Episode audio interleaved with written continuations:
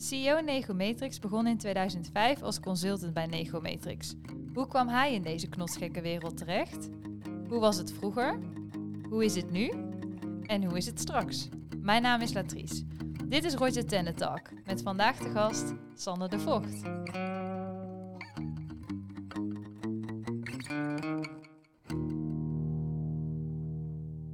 Nou, goedemiddag Sander, welkom in Maarsen. Goedemiddag, dankjewel. Hoe is het? eh, hoe gaat het met jou vandaag? Eh goed. Een ehm, ja, mooie dag. De zomer begint eraan te komen. Dus eh, ik heb er zin in en ik kijk ook uit naar dit gesprek met jullie. Dankjewel voor de uitnodiging. Graag gedaan. Om maar meteen met de deur in huis te vallen. Je begon als inkoopconsultant bij Negomatrix. Hoe ben je vanuit je studie nou bij Negomatrix terechtgekomen? Ja, ik, denk zoals best veel mensen in het inkoop- en contractmanagementvak... ehm, stond dat niet op mijn lijstje wat ik later wilde gaan doen. Ik, eh, ik studeerde facility management. En ehm, in die studie kwam ik in aanraking met het inkoopvak. Eh, nog, nog, nog heel erg hoog over, eerlijk gezegd. Ehm, maar dat had wel mijn interesse. Niet zozeer het geformaliseerde inkoopvak, maar wel hoe aanbod en vraag eh, elkaar ontmoet. En welke krachten daar, eh, daar samenkomen, welk spellen gespeeld wordt. Maar ook ja, op basis van welke feiten mensen keuzes maken. Dus zodoende mocht ik daar een onderzoeksstage in lopen. En onders, onder, onderdeel van mijn onderzoeksstage was ehm, ook het digitaliseren van het inkooptraject. Oké, interessant. Ja. En min of meer bij toeval kwam ik toen tegen een platform, eh, liep ik tegenaan een, een gratis beschikbaar platform, Nego Matrix. En ehm, ik ging dat ook gebruiken tijdens mijn stage. En ik belde een keer de service desk. Nou, daar schrokken ze dat iemand de platform gebruikte volgens mij. En daar zat Jan Siderius achter de telefoon. Oprichter van eh Nego Matrix. En om een lang verhaal kort te maken, in mijn afstuderen had ik eigenlijk de ambitie om nog langer door te studeren. Maar Jan die bood mij een, eh, een baan aan. Eigenlijk als eerste medewerker van het bedrijf. En eh, ik dacht, ja, het- ik vond het toch heel interessant waar dat vraag en aanbod bij elkaar kwam. Ik dacht, ik probeer dat gewoon eens een jaartje. Ja, want ik had ook op de LinkedIn, hè, als we beginnen, dan check ik altijd even de LinkedIn-pagina. Zag ik dat je ook als inkoper tijdens eh, dat je al begonnen was eigenlijk bij Negomatrix ook een jaar bij het Groene Hart ziekenhuis eh, hebt gewerkt in de zorgsector. Daar was dan ook echt het, het, ehm, ja, het samenkomen van het vragen en aanbod wat je daar dan ook eh, hebt onderzocht. Mijn stage die was in het Lucas Andreas ziekenhuis in Amsterdam. Maar inderdaad, de zorg is een hele belangrijk startpunt geweest voor Negomatrix. Ook eigenlijk de eerste gedachte van het platform was ook best wel gericht op die gezondheidszorg. Dat daar tussen inkoop en verkoop nog vrij veel inefficiëntie en disbalans was. Ehm, dat wilden wij oplossen. We hadden goed netwerk in die zorg, dus daar probeerden we ook als eerste het platform neer te zetten. Uh, ik zeg platform. Dat platform dat was toen nog best lastig om daar echt een, uh, een verdienmodel um, mee te realiseren. Van die aard dat je als bedrijf daar ook echt mee kon bestaan. Dus wat gebeurde dat ik als consultant ook bij ziekenhuizen gewoon inkooptrajecten ging draaien. Uh, om wat geld te blijven verdienen als bedrijf. En dat, dat is meteen wel een, een belangrijk inzicht geweest in het bedrijf Negomatrix. Op een gegeven moment wilden wij echt naar een product softwarebedrijf doorgroeien, moesten we ook kiezen. Dus op een gegeven moment zul je ook zien op mijn LinkedIn profiel dat we geen consultieopdrachten meer deden. Dat je echt de focus op het uh, platform zelf gericht hebt. Ja. En zie je dan ook, hè, uh, nu, nu zie je dat jullie een heel groot aandeel in de markt hebben. Hè? Heel veel uh, inkopende aanbestedende diensten die gebruiken Negomatrix. Zie je dan ook um, een groot verschil? Want ik las inderdaad dat Jan het volgens mij in 2000 is begonnen. Ja. Nou ja, je bent inderdaad kort daarna eigenlijk vijf, ja, vijf jaar later uh, aangehaakt. Is er nou een groot verschil um, tussen wat het platform destijds was, um, in tegenstelling tot wat het nu is, wat door veel partijen wordt gebruikt? Ja, het is een enorm groot verschil. Wat is voor jou dat je zegt, maar nou, dat was echt de, ja, de grootste ontwikkeling die echt heel veel heeft toegevoegd? De allerbelangrijkste ontwikkeling is dat Negomatrix in beginsel een tool was die je uh, sporadisch kon gebruiken als je het idee had dat er ergens nog enorm besparingspotentieel zat in je, in je leveranciersdatabase. Het, met andere woorden, toen waren wij toch primair een, een veilingtool waarmee je een stukje onderhandeling kon faciliteren. En het, de, de, grootste verandering is geweest dat we eigenlijk een tool wilden zijn die de inkoper elke dag gebruikt. Ongeacht Of het een heel complex onderhandeltraject is, of een RFI, of een veiling. Dat maakt eigenlijk niet meer zoveel uit. We wilden gewoon de toolbox van een inkoper zijn. Dus dat, dat is best wel heel, heel erg veel veranderd. Ja, dat is inderdaad ook echt een mindset uh, die het platform, zou zeggen, anders is geworden eigenlijk. Ja, want je wordt van een, van een puur transactioneel gerichte tool, word je ook echt een projectmanagement tool. Althans, dat wil je graag zijn. Mhm. Dat is een heel andere, andere wereld om in te concurreren of om in te ontwikkelen dan de wereld van alleen maar prijzen vergelijken en leveranciers naast elkaar zetten.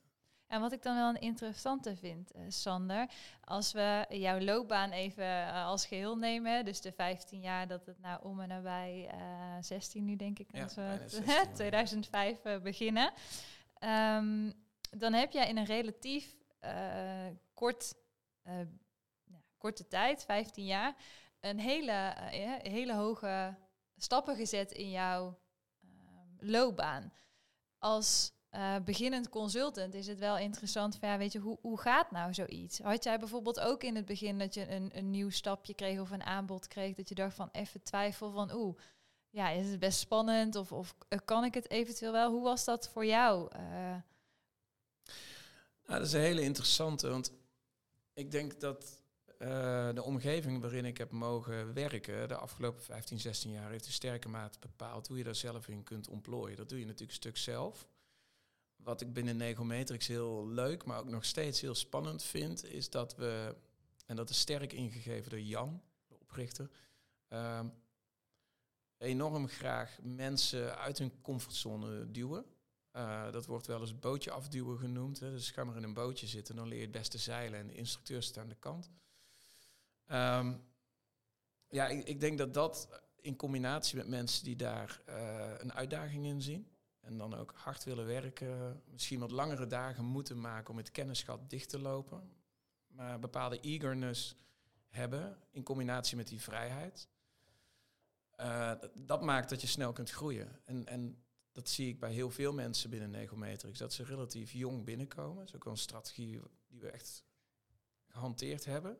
Uh, dus mensen uit schoolbanken uh, binnenhalen. En eigenlijk heel snel stevige verantwoordelijkheid geven. En ik denk dat er dan in heel veel mensen heel veel zit om door te kunnen groeien. Maar dan moet je in een organisatie zitten waar ook die ruimte geboden wordt. En nou, daar ben ik erg dankbaar voor dat die er altijd uh, geweest is. Zij zegt eigenlijk ook wel ook voor de jonge mensen die bij jullie in het team komen, of als je ergens anders binnenkomt, als je de kans krijgt, ook al twijfel je misschien nog een beetje of dat het lukt, gewoon doen. Uh, hè, mocht daar inderdaad dan de ja, hoe moet je dat zeggen, de, de achterban of de support zitten om het te doen, dan zeg je gewoon gaan. En, uh, ik denk dat het heel belangrijk is dat als je dan op je snuffert gaat, dat er mensen zijn die dat misschien zagen aankomen en zo niet in ieder geval je mee helpen opgrapen. En dat, uh, ja, dan kun je ver komen, denk ik. En zie je dat dan bijvoorbeeld nu ook terug, nu je wat hoger in de hè, organisatie zit, je bent nu CEO van Negomatrix, dat dat ook in je leiderschap, dat je die lessen dus meeneemt en dus ook de kansen naar jouw eigen medewerkers uitdraagt van het is oké om fouten te maken? Ja, ik hoop dat zeker wel. Ik moet daar af en toe ook even een afstand van nemen en kritisch naar kijken. Ik denk dat dat niet altijd zo is geweest. Ik denk dat ik ook een fase heb gehad dat ik iets te veel controle heb willen houden en het heel spannend vond om dingen uit handen te geven en daardoor misschien ook niet de beste leider ben geweest. Niet dat ik dat nu wel ben, maar ja, je wordt daarin ook uh, wijzer. Ik denk inmiddels kijken we naar een club waar um, enorm veel autonomie zit bij de mensen. En dan gaat het niet alleen maar meer over, over een directielid die zegt van je, je kunt op je snuffert gaan, maar volgens mij komt het in alle lagen van het bedrijf terug. En dan heb je volgens mij een heel mooi ecosysteem. Als mensen elkaar daarin eigenlijk op alle lagen de veiligheid voelen om, uh, nou, om het ook soms niet helemaal perfect te doen. Als ik dan gewoon op de, direct op de man mag afvragen, Sander, is er nou iets, een fout in, eh, fout tussen aanhalingstekens, iets, een les die je hebt geleerd in, in de jaren die jij nu bij Negometers hebt gelopen, dat je dacht van ja, dat was iets waar ik even op mijn snuffert ben gegaan, maar waar ik wel uiteindelijk, uh, als het ware door, door het bedrijf en door mijn collega's omhoog ben geholpen, waarvan je denkt, ja, als dat andere mensen weten, dan durven zij ook die fouten te maken. Ja, ik, ik denk dat dit een thema is wat heel erg herkenbaar is voor softwarebedrijven. Dat um, software is natuurlijk best lastig om te ontwikkelen. En ik denk de fout die ik vaak gemaakt heb, dus het is niet één event, maar meerdere, dat je wil heel graag je klant tevreden stellen. Ehm, en, en dat je dat verwacht met dat die klant ook het beste weet hoe je software ontwikkelt. En ik denk dat we dat nu wat verder geformaliseerd hebben. We hebben product owners, we hebben reviews. En we weten heel goed wanneer we naar eh, een, een, populatie van gebruikers gaan. En dan niet alleen klanten, maar ook de leveranciers in ons platform. Maar acht, negen jaar geleden zat ik met een notitieblok voor iemand en schreef op wat zo iemand belangrijk vond. En dat kan van een hele ontspannen setting naar een steeds meer geformaliseerde setting toe bewegen. Ja, en ik denk dat je dan vaak de fout zou kunnen maken dat je één, de verwachtingen niet goed gemanaged hebt. Mhm. Of twee, nog veel erger, dat je de ideeën van één individu in een product gaat stoppen wat je eigenlijk voor duizenden gebruikers hebt ontwikkeld. En daar is mij de laatste jaren wel professioneler in geworden. En daarin heb ik ook wel gemerkt dat collega's mij daar ook af en toe al in uh, hebben geholpen om daar wat strakker in te zijn. Ja, ik, ik, vind dat, ik vind dat ook een hele goede. Want ik denk ook wat je vaker in de markt ziet als we het hè, branche-wise even uh, kijken, als ik het zo mag zeggen, is dat je veel te weinig ziet dat de inkopende en de inschrijvende partij eigenlijk nadat het allemaal is afgerond, eigenlijk bij elkaar zitten van joh, wat kunnen we nou beter? En inderdaad, niet per se. Het is niet één ding, wat uiteindelijk voor één iemand misschien het één kan zijn, kan voor de ander het ander zijn. Maar dat je inderdaad overal gaat kijken, ja, wat zijn nou dingen die we wel kunnen veranderen? Zodat je ook dat ja, samenbrengt eigenlijk. Ja, ik denk dat daar ook wel een parallel in zit. Als je dat zo bedoelt, dus een, een tendertraject, dat, dat is nooit één iemand 100% op het lijf geschreven. Althans, dat, dat probeer je niet altijd Niet het idee. dus en daarmee heb je dus ook heel veel opinie en heel veel mensen die interactie hebben met zo'n tender. Maar je probeert het wel uh, ja, met alle belangen meewegende, probeer het zo goed mogelijk te doen. En ik, ik denk dat dat bij ons ook heel erg geldt. En dat één, geïsoleerd, één geïsoleerde suggestie kan heel goed klinken.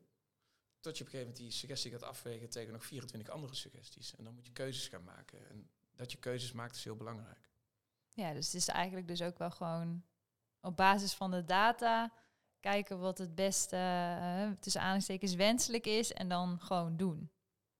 Ja, en die data, dat is dus iets anders dan met een bloknoot tegenover iemand in een gesprek zitten. En, en dat is wel zo'n les geweest, dat ik ja, daar misschien ook iets minder vaak uh, benen op tafel sessies heb met klanten, omdat het gewoon niet zo eenvoudig is om eventjes uit te denken hoe die software moet zijn. En ook niet mijn rol overigens. We hebben daar hele goede product owners voor tegenwoordig, die dat heel serieus nemen. Want als we het nog even over jouw rol als CEO van Negometrix hebben, Sander. Um, als je ziet, heb jij in 15, 15 jaar zit je bij Negometrix. Daarin heb je inderdaad, wat ik net ook al zei, vele verschillende functies eigenlijk als het ware doorgelopen. Um, heb jij ooit, uh, nou laat ik het anders formuleren.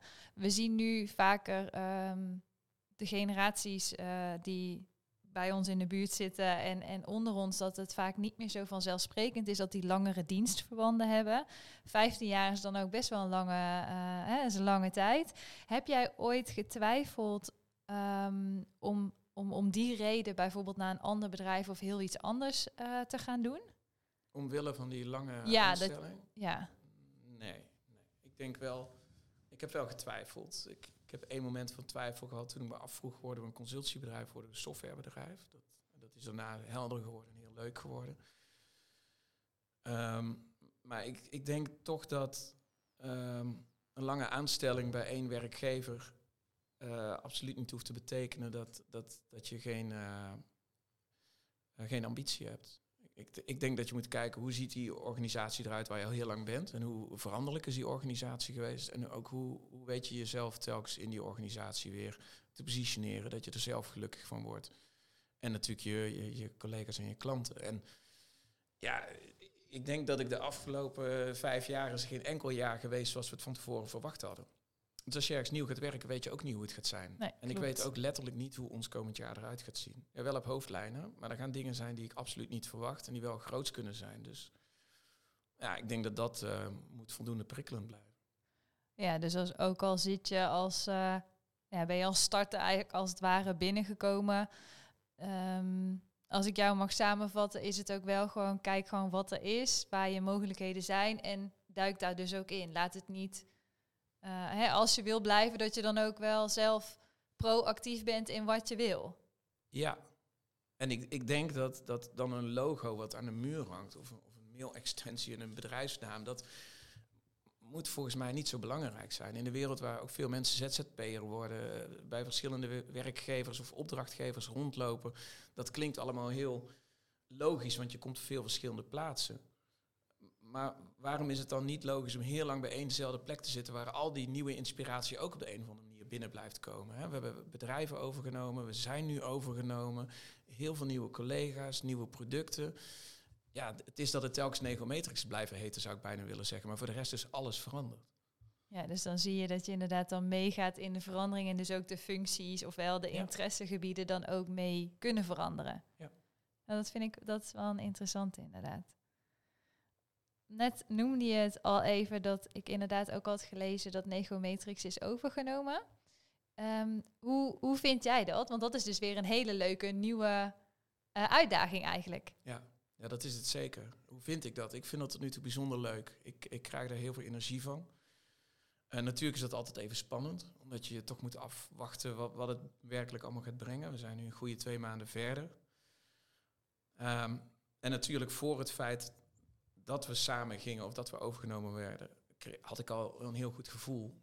Zowel kwalitatief goed als zijnde, ik kon dat goed inschatten voor mijn gevoel. En dat, dat blijkt tot nu toe ook wel te zijn. Um, wij waren er eigenlijk niet zo mee bezig om, om per se overgenomen te willen worden. Maar het is wel heel interessant als je met iemand een gesprek aangaat. En dan begint iets heel, heel inspirerends en ook iets wat energie geeft te ontstaan. Dat het dan zo organisch kan groeien. En dat is een beetje wat er gebeurd is. En uh, ja, ik, ik, zie dat de plannen en, en de toekomst met, met veel vertrouwen tegemoet. Ik heb er heel erg veel zin in. Het, het helpt ook dat het tot nu toe een hele goede uh, culturele fit is. Dat uh, yeah. is volgens mij heel belangrijk. De bedrijven lijken allemaal heel erg op elkaar. Het zijn allemaal liefhebbers van hetzelfde vak. Dus um, ja, ik, ik vind dat tot nu toe bijzonder leuk. Dat is wel inderdaad. ik denk ook dat dat als ook of dat je nou inderdaad overgenomen wordt, dat je iets overneemt, of dat je als starter of nieuwe werknemer ergens binnenkomt, is natuurlijk altijd de cultuur en de, uh, de, de fit die zo belangrijk is. Um, is dat ook wat je dadelijk uh, als CEO, je blijft natuurlijk CEO van Negometer, dat dat ook iets is wat je wil blijven behouden? Dat is dat cultuur en de manier wat, waar we het net al even over hebben gehad, durf fouten te maken, um, afwisselend dat dat ook iets is wat je in de gaten wil blijven houden voor je eigen werknemers? Ja, maar eigen werknemers, op een gegeven moment, we zijn allemaal collega's. Ik zal op een mhm. gegeven moment ook meer country manager worden dan per se nog CEO, denk ik. Dat zal wat logischere titel zijn.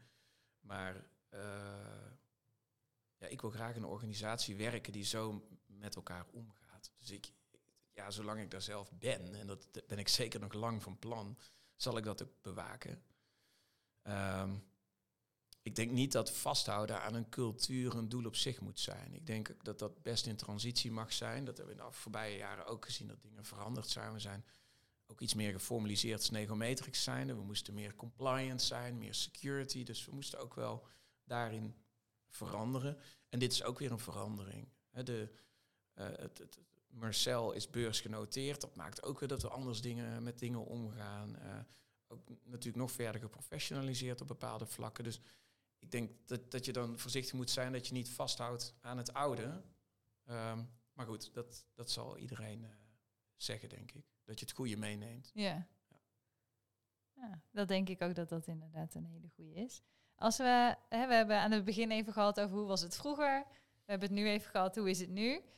Uh, en hoe is het dadelijk naar de toekomst toe? Hoe zie jij de uh, visie, gewoon even breed, niet zozeer van Negomatrix of, of uh, nou ja, andere bedrijven, maar gewoon een, een inkoopplatform voor de aanbestedende markt, om het even zo te zeggen, of de tendermarkt, laten we hem even breed pakken, zowel private als Europese mm. tenders. Hoe zie jij dat voor je naar de toekomst toe? Die relatie met het platform en de twee partijen die daarop letterlijk samenkomen? Ja, dit soort platformen, dat, dat, ik denk dat ze essentieel zijn, omdat het alleen al verplicht is om je aanbestedingen digitaal te doorlopen. Maar er zijn natuurlijk ook sectoren die niet aanbestedingsplichtig zijn, maar die toch om redenen dit soort platformen steeds meer omarmen. Dat zien we ook in de private sector steeds meer. Uh, gezondheidszorg, woningcorporaties. Dus dit, dit soort platformen en de positie die ze innemen, dat, dat blijft. En ik denk ook dat er over tien jaar niet 60 platformen in Europa zijn, maar dat het verder door zal uh, consolideren. Zo ook uh, uh, de, de visie van Mercel die ons past. Ehm, ik denk wel dat hoe het platform zijn werk doet, dat dat, dat nog stevig aan verandering onderhevig kan zijn. Ehm, de wereld is niet meer dat je op je werk komt en daar inferieure tools accepteert. Want dat is nou eenmaal mijn werk. En als ik thuis kom, dan heb ik hele mooie software ter beschikking. Ik denk dat we daar in die grens niet meer toe gaan staan. Dus de software moet, wil je overleven, bijzonder gebruiksvriendelijk, intuïtief zijn. En de vraag is dan ook voor wie. En ik, ik denk dat uh, dat niet alleen een inkoopprofessional is. En dan beperk ik me nu even tot de inkoopkant. Um, je ziet in inkoopteams natuurlijk veel meer multidisciplinair samengewerkt worden. Ook al die disciplines willen geholpen worden in zo'n tool. Um, en ik denk ook, wie is de inkoper over tien jaar? Hoe gaat die wereld zich ontwikkelen? Uh, zijn er nu alleen nog maar inkopers en hebben we daarnaast een, een wereld van bestellers, de niet-inkopers? Of begint dat steeds meer door elkaar heen te lopen? Ik, ik, ik geloof dat laatste. Uh, wat, wat zou maken dat die software op gebruiksvriendelijkheid enorm zou moeten doorontwikkelen. Um, maar ook op het stuk van ja, wat voor type inkooptrajecten zijn er nou? En, natuurlijk is er een Europese richtlijn die daarin kaders uh, creëert. Ik denk dat die steeds meer. Uh, nou, ik, ik, weet dat niet zeker, maar ik kan me voorstellen dat de Europese Unie daarin meer ruimte zal schetsen om ook meer dynamisch aankoopsysteemachtige oplossingen uh, nog meer toe te staan. Waardoor je ook ja, wat laagdrempeligere aankopen, die je normaal in een bestelling zou doen met een redelijk vastgeklikte pakket van condities, dat het opeens meer een flexibele mini-competitie-uitvraag kan zijn. En dat een, een bestelling en een mini-offerte-aanvraag helemaal niet meer zo ver van elkaar af liggen. Nou, als je daarin gelooft, dan, dan wordt de hele gebruikspopulatie anders, dan wordt de rol van inkoop anders. ook de rol van verkoop niet te vergeten. Um, ja, ik denk dat daar een hele hoop in te doen gaat zijn. Plus, ik, ik, ik denk als je nadenkt over dat er zoveel informatie vast ligt op dit moment. En ik durf te zeggen dat iedere offerte aanvraag erin wordt informatie uitgewisseld die voor 95% al ergens vast lag. als dat een architectenselectie is, niet. Maar als je de zoveelste keer een aanbesteding kantoormeubilair doet, dan is er al heel veel antwoorden, zijn al vaker gegeven. En wat nou als je die antwoorden uit het verleden betrouwbaar kunt hergebruiken in een, in een huidige aanvraag. Ik denk dat dat nog uh, best wel disruptief zou kunnen gaan zijn. Um, en ik denk dat er tussenin nog een hele hoop te verbeteren ligt. Weet je, ik, ik vind het toch bijzonder. Ik zag vandaag op LinkedIn iemand een onderzoek starten naar uh, de bewijslast die we in Nederland iedere keer opvragen bij de leveranciers. Ja, ik denk toch dat het, het leverancierspaspoort, dat ooit ook wel een idee is geweest, maar wat nu nog steeds niet echt uh, tot wasdom is gekomen. Ik denk dat dat ook dingen zijn waar we nog een hele hoop in kunnen verwachten. Moet dat op Nederlands niveau of moet dat toch eens een keer op Europees niveau uh, gaan gebeuren? Dus misschien een wat wollig lang antwoord. Ik, ik, denk dat er een hele hoop nog staat te gebeuren. Ik denk dat platformen erin een rol moeten vervullen. En ik denk ook dat, ehm, ja, dat dat gebeurt als je die platformen daarin ook bepaalde vrijheden geeft. Dan, dan komen er toch dingen tot stand op basis van een klant. Um, ja, die vragen stelt. En een innovatief softwarebedrijf die daarin telkens mee wil. Uh, ja, dat is precies denk ik ook wat je net zei. Hè? Dat, dat als dat meer bij elkaar komt en als die feedback niet meer het ene poppetje met het feedback daadwerkelijk wordt meegenomen, maar juist die hele range aan feedback, maar ook data. En inderdaad, als we straks de vechters en dergelijke ook kunnen meenemen. Ja, dat klinkt in ieder geval als een hele mooie, hele mooie toekomstvisie. Uh, ja, ik, ik, ik denk dat die ieder half jaar wat, uh, wat bijgeschaafd wordt. Maar ik geloof wel dat er, uh, ja, dat er nog een hele hoop staat te gebeuren in, in dit domein. Ik beperk me nu tot de aanbestedingen. We hebben natuurlijk ook nog een contractmanagement oplossing. ja, waarmee je ook de, die hele cyclus tussen een aanbesteding en het winnen of verliezen tot weer een volgende aanbesteding sluiten dit soort platformen ook. Dus je kunt ook niet meer negeren wat er allemaal is gebeurd na de gunning. Dat, dat moet je gewoon heel goed vastleggen. En daar moet een zittende leverancier op beloond of afgerekend worden. Maar ook de partijen die weer kans maken in de toekomst op een opdracht. Uh, die gaan dat soort data ook veel beter kunnen ontginnen. Dus die weten ook veel beter hoe ze voorstaan bij een nieuwe tender, hoe vroeg ze moeten beginnen met de voorbereiding. En ik denk dat, dat die, die, die cirkel verder sluiten, nou, dat, dat daar nu nog wel wat inefficiënties zitten. Dat ja, dat je niet meer krijgt dat een, een, een aan de inschrijvende kant dat je verrast wordt door het feit dat er in één keer een aanbesteding uh, uit de lucht komt ploppen, bij wijze van. Ik denk dat dat, uh, dat moet de uitzondering ja. zijn. Ja. Sander, wij ehm, eindigen altijd de podcast met een uh, advies wat je voor onze luisteraars hebt. En dat kan zijn een hele mooie nieuwe wandelroute, goede fles wijn, een werkgerelateerde advies. Wat zou jij onze luisteraars als advies willen meegeven? Ja, dat, die fles wijn, dat doen we de volgende keer. Daar had ik niet zo over nagedacht. Ik, ik, ik, het is misschien een beetje een, een dooddoener toch. Ik denk als je kijkt naar toen we begonnen met Negometrix. Um, toen ik instapte, 2005, toen het al vijf jaar bestond. En dat heb ik ook heel erg meegekregen toen van Jan, maar ook Evert-Jan. Dat het heel belangrijk is dat je de, de believers omarmt. En, en je daar ook mee omgeeft. En waarom zeg ik dat? Er waren toen veel meer non-believers. Um, mensen die wat smalend naar Negometrix konden kijken, zeiden, nou ja, dat, dat, dat gaat nooit vliegen, dat digitaal. En ik blijf gewoon uh, met mijn papieren offerte aanvragen zitten. En ik denk dat als je ergens in gelooft, um, ja, ben dan koersvast. Omgeef je met de mensen die ook met jou geloven. Um,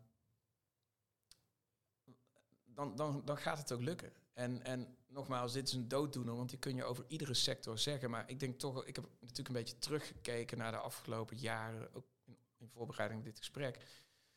Ja, er zijn toch hele kleine dingen geweest die heel groot zijn geweest voor ons. En dan, dan heb ik het juist over een inkoper in een ziekenhuis die voor de eerste keer zei, nou weet je wat, ik ga 2,5 ton aan onderzoekshandschoenen met jullie op de markt zetten. En nu zou je zeggen, ja, dat, dat is niet zo. Dat is meer dan logisch. Precies. Maar die man was toen wel de eerste. En, en ik denk dat dat heel bepalend is geweest. Niet omdat we daarmee wat geld verdienden toen, maar omdat we begrepen en zagen dat het uh, kans verslagen had. En, en dat was een verhaal waarmee we onszelf konden, ons bestaansrecht konden toekennen. En ik denk dat, dat dat is wat er ook op kleine schaal gebeurt bij een professional. Dat je af en toe dus in het diepe springt en, en jezelf laat challengen. Maar als het je dan lukt, dan is dat het verhaal waarmee je weer verder gaat. Tot er weer een nieuwe uitdaging komt. En ik, ik, vooral de laatste jaren zien we heel veel over feitelijke tegenwerpingen, over, over een digitale handtekening die niet zou kunnen, of dit is op het randje van de aanbestedingswet. En als ik dat analyseer, dan zie ik alle mensen die hebben gezegd, nou, maar we gaan het toch proberen. Ondanks, uh, daar zijn we altijd verder mee gekomen dan degene die goed wisten te vertellen en altijd onderbouwd. En ik moest ook eigenlijk bijna altijd gelijk geven, dat het niet zou kunnen. Want dat is het makkelijkst om te doen en dan doe je morgen hetzelfde als vandaag. Dus ik denk dat dat een beetje, ja, mijn advies is. Maar ja, nou, ik vind het wel een hele goede. Ik denk dat mensen onderschatten uh, dat het makkelijker is om iets af te kraken dan inderdaad gewoon de ballen te hebben om het even plat uh, te zeggen en het gewoon te doen. En je inderdaad wel met mensen te omringen die dat vertrouwen ja, je geven en, en daarmee dat je verder komt. Ja, vooral in onze sector. Weet je, we zitten niet in de creatieve sector of we organiseren een keer iets en we kijken of het faalt. Maar we zijn meestal zitten in een redelijk uh, risicomijdende hoek. We zijn bezig met, met belangen, er zit politiek uh, belang achter. En juist dan is het, is het best lastig om als, als innovatie uit de hoek te kunnen komen en door te kunnen schalen. En ja, dat vraagt dus om dat soort uh, mensen met attitude. Super, dankjewel uh, Sander. Met dit advies sluiten we het af. Sander, ik wil je graag bedanken voor de tijd die je hebt genomen om uh, met ons dit leuke gesprek te houden. Dank je, jij ook. Vond het leuk. Vond je deze podcast leuk? Abonneer je dan via Spotify. En volg onze LinkedIn-pagina om op de hoogte te blijven. Bedankt voor het luisteren naar Roger Tender Talk. Tot de volgende keer!